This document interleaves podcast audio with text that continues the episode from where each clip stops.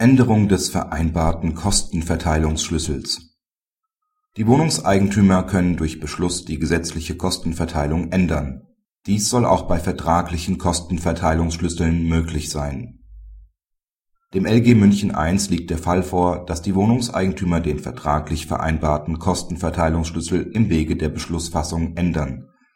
Ein solches Vorgehen ist zulässig.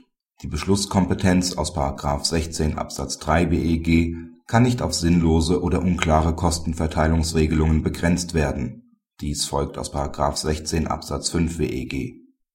Praxishinweis Das LG folgt insoweit der herrschenden Meinung, dass sich die Änderungsbefugnis nicht nur auf die gesetzlich festgelegten, sondern auch auf die vertraglich vereinbarten Kostenverteilungsschlüssel bezieht.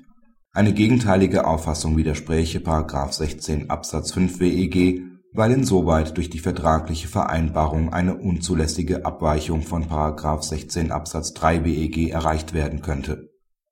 Zudem weist die Kammer darauf hin, dass für die Änderung sachliche Gründe vorliegen müssen. Zu hohe Anforderungen freilich dürften an diese Voraussetzungen nicht gestellt werden